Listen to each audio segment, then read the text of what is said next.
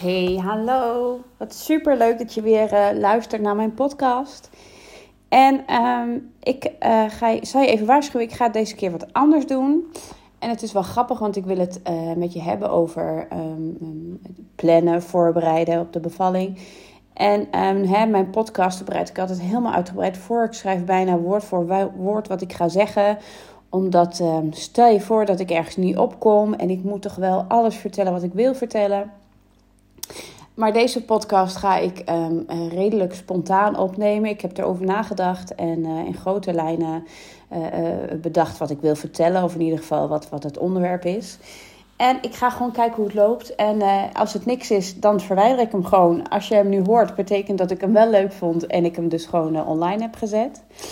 En de reden dat ik deze podcast opneem is omdat ik um, in gesprek was met een volger van mij. Uh, op, uh, op, uh, op Instagram. Ik had haar een DM gestuurd en ik kwam in gesprek. En um, zij was bezig met een opleiding, luisterkind. super interessante opleiding. Um, een andere, een business buddy van mij heeft die opleiding ook gedaan en doet dat inmiddels, luisterkind. Zij heet Minitalk. Als je benieuwd bent naar haar, zoek haar absoluut op op Instagram. Um, maar dat is niet waar het nu over gaat. Het ging me er meer om dat um, zij was bezig met die opleiding. Dus ik had haar een bericht gestuurd. Oh, wat leuk dat je die opleiding doet. En weet je al wat je ermee wil gaan doen? Uh, ga je je bedrijf opzetten? Of, uh, en dat soort dingen. En um, zij reageerde daarop met... nou, eigenlijk weet ik nog niet zo goed uh, wat ik ga doen. Ik, ik zie het wel. Ik laat het afgaan op mijn gevoel. En toen dacht ik eerst... Wauw, nou goed dat je zo, zo je gevoel vertrouwt. Hè? Want dat durven we vaak niet, doen heel veel mensen niet. Dus zeker hartstikke goed. Maar ik dacht ook wel meteen: oh ja, gaat dit dan wel van de grond komen? Um, want vooral met ondernemen uh, ben ik inmiddels achtergekomen. Hè, want uh, ik ben uh, augustus 2022 begonnen met ondernemen. En ook ik dacht van um, ondernemen, dat, dat kan iedereen. Dat doe je gewoon. Als je maar een plan hebt, dan begin je en dan komen de klanten vanzelf. Nou, inmiddels weet ik dat het niet zo werkt. En heb ik dus ook meerdere business coaches gehad die mij hebben geholpen. En um, um, die hebben mij ook geholpen om een duidelijk plan um, te maken, te schrijven. Maar natuurlijk wel een plan die bij mijn gevoel hoorde. Uh, hè. Ik, ik heb niet dingen overgenomen van anderen, omdat ik dacht, ja, bij hun werkt het, dus ik moet dat ook doen. Nee, gewoon wat goed voelde voor mij, dat is ook hoe ik het doe. En uh, nu denk je, uh, ik luister jouw podcast niet omdat ik voor mezelf wil beginnen. ik luister jouw podcast omdat ik misschien zwanger ben. Um, waarom ik uh, dit uh, wil vertellen is omdat um, ik hoor heel vaak um, zwangere moeders om mij heen die dan uh, zwanger zijn en die dan zeggen: Nou, ik zie het allemaal wel hoe het gaat. ik, ik, hoef me niet per se voor te bereiden. Nee, ik heb ook niet een heel plan, want dat plan komt toch niks van terecht. En ik zie het wel gewoon hoe het loopt.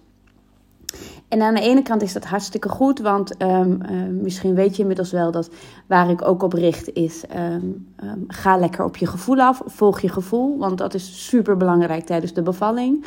Alleen jij weet wat je voelt en dus wat jij belangrijk vindt.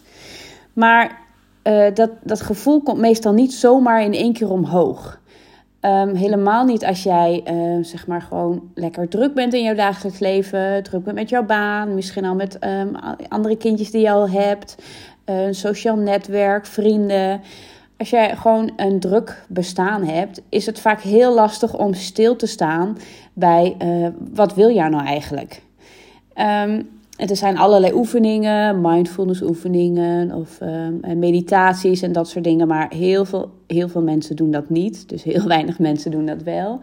Uh, en ik uh, zelf deed dat ook heel weinig. Um, ik weet wel dat ik dat nu steeds vaker doe. En ik vind het nog steeds wel lastig, omdat je moet daar dan toch eventjes tijd voor maken. En ik kan ondertussen ook uh, die mailtjes beantwoorden of een nieuwe post plaatsen.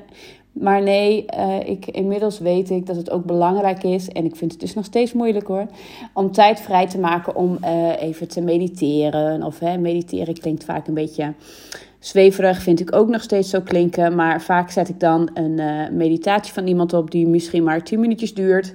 En dan um, kom ik gewoon eventjes weer um, tot mezelf. Neem ik eventjes de tijd om goed na te denken. En ehm, ik merk dat uh, heel veel zwangeren dat niet doen. Dus die uh, denken van, um, um, ik zie het allemaal wel hoe de bevalling gaat.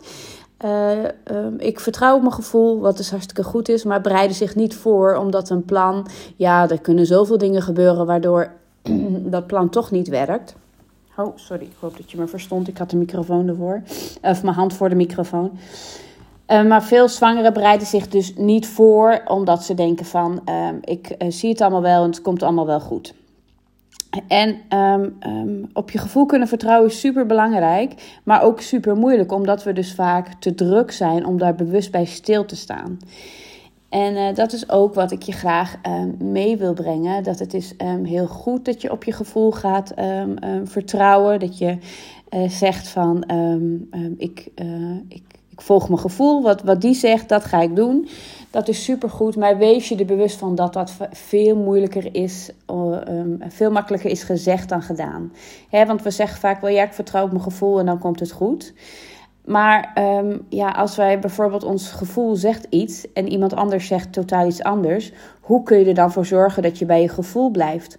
Of stel dat iemand vraagt: Oh, maar waarom heb je dit gevoel? En dat je je uh, bezwaard voelt of een beetje twijfelt om het uit te leggen. En misschien als je het uitlegt, dat je dan denkt: Oh, misschien is het ook wel helemaal niet goed wat ik nu zeg. Of wat zal die ander wel niet denken?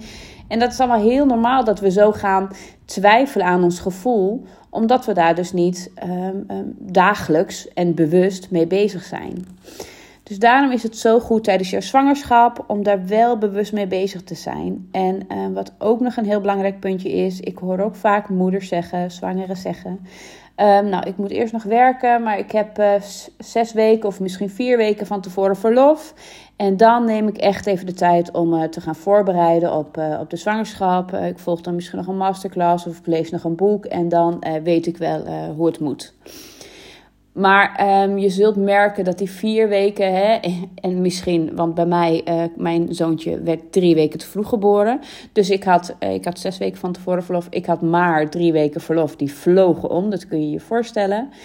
Um, daarom is het zo goed om al gewoon eerder in jouw zwangerschap um, jou uh, bewust bezig te zijn met wat jij wil. En dus ook bewust stil te staan bij wat er gebeurt in jouw lichaam en um, hoe jij de bevalling voor jou ziet. Um, ik denk dat dat, dat dat heel goed is om ons daar uh, bewust van te zijn. Dat we niet um, kunnen blijven zeggen: Nou, ik zie het allemaal wel. Uh, ik wacht mijn verlof wel af. Dan lees ik een boek en dan komt het goed. Want hoe kun je dat zeggen en dan verwachten dat je een bevalling krijgt waar je power van krijgt? Uh, want bevallen, dat is niet iets wat je dagelijks doet. Um, waarschijnlijk doe je het maar 1, 2, 3, 4, 5. Ik kijk tegenwoordig een huis vol. Ik vind het een fantastisch programma. Misschien doe je het wel 11 keer bevallen. Um, maar uh, vooral als het je eerste bevalling uh, is, komt er zoveel bij kijken. Ook gewoon uh, gevoelens die dan in één keer naar boven komen, die jij nog niet eerder hebt ervaren. En dat komt weer door dat, hè, dat moederbrein, waar ik al eerder een podcast over heb opgenomen, omdat die ontstaat.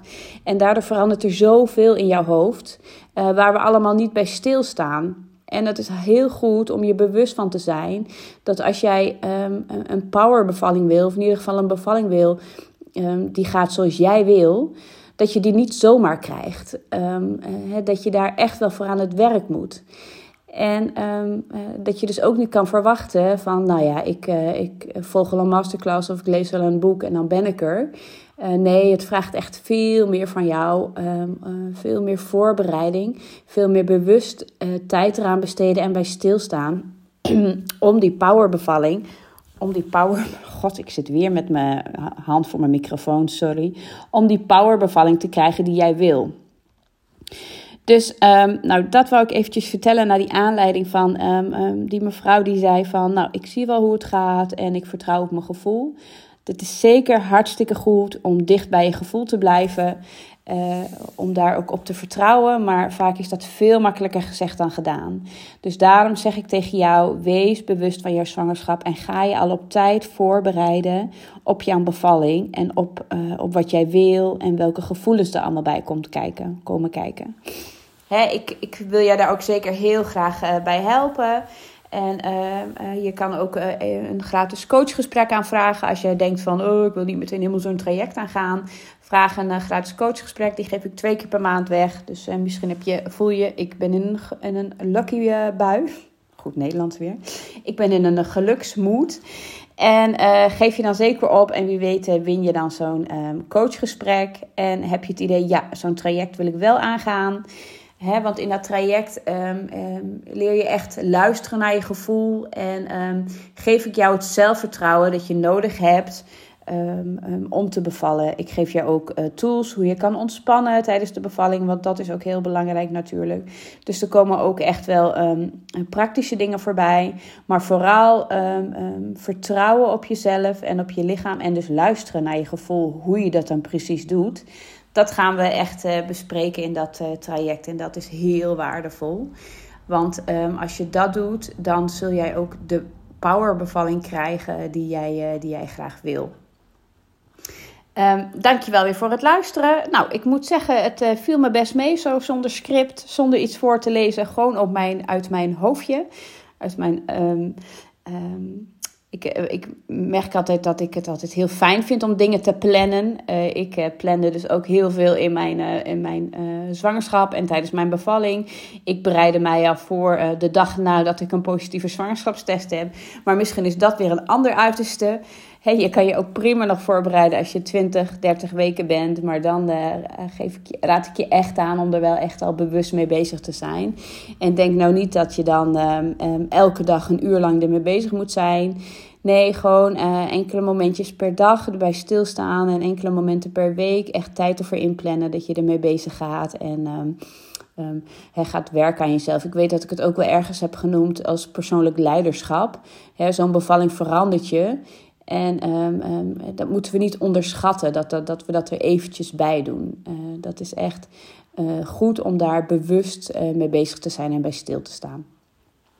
Nou, dankjewel weer voor het luisteren en hopelijk tot de volgende keer.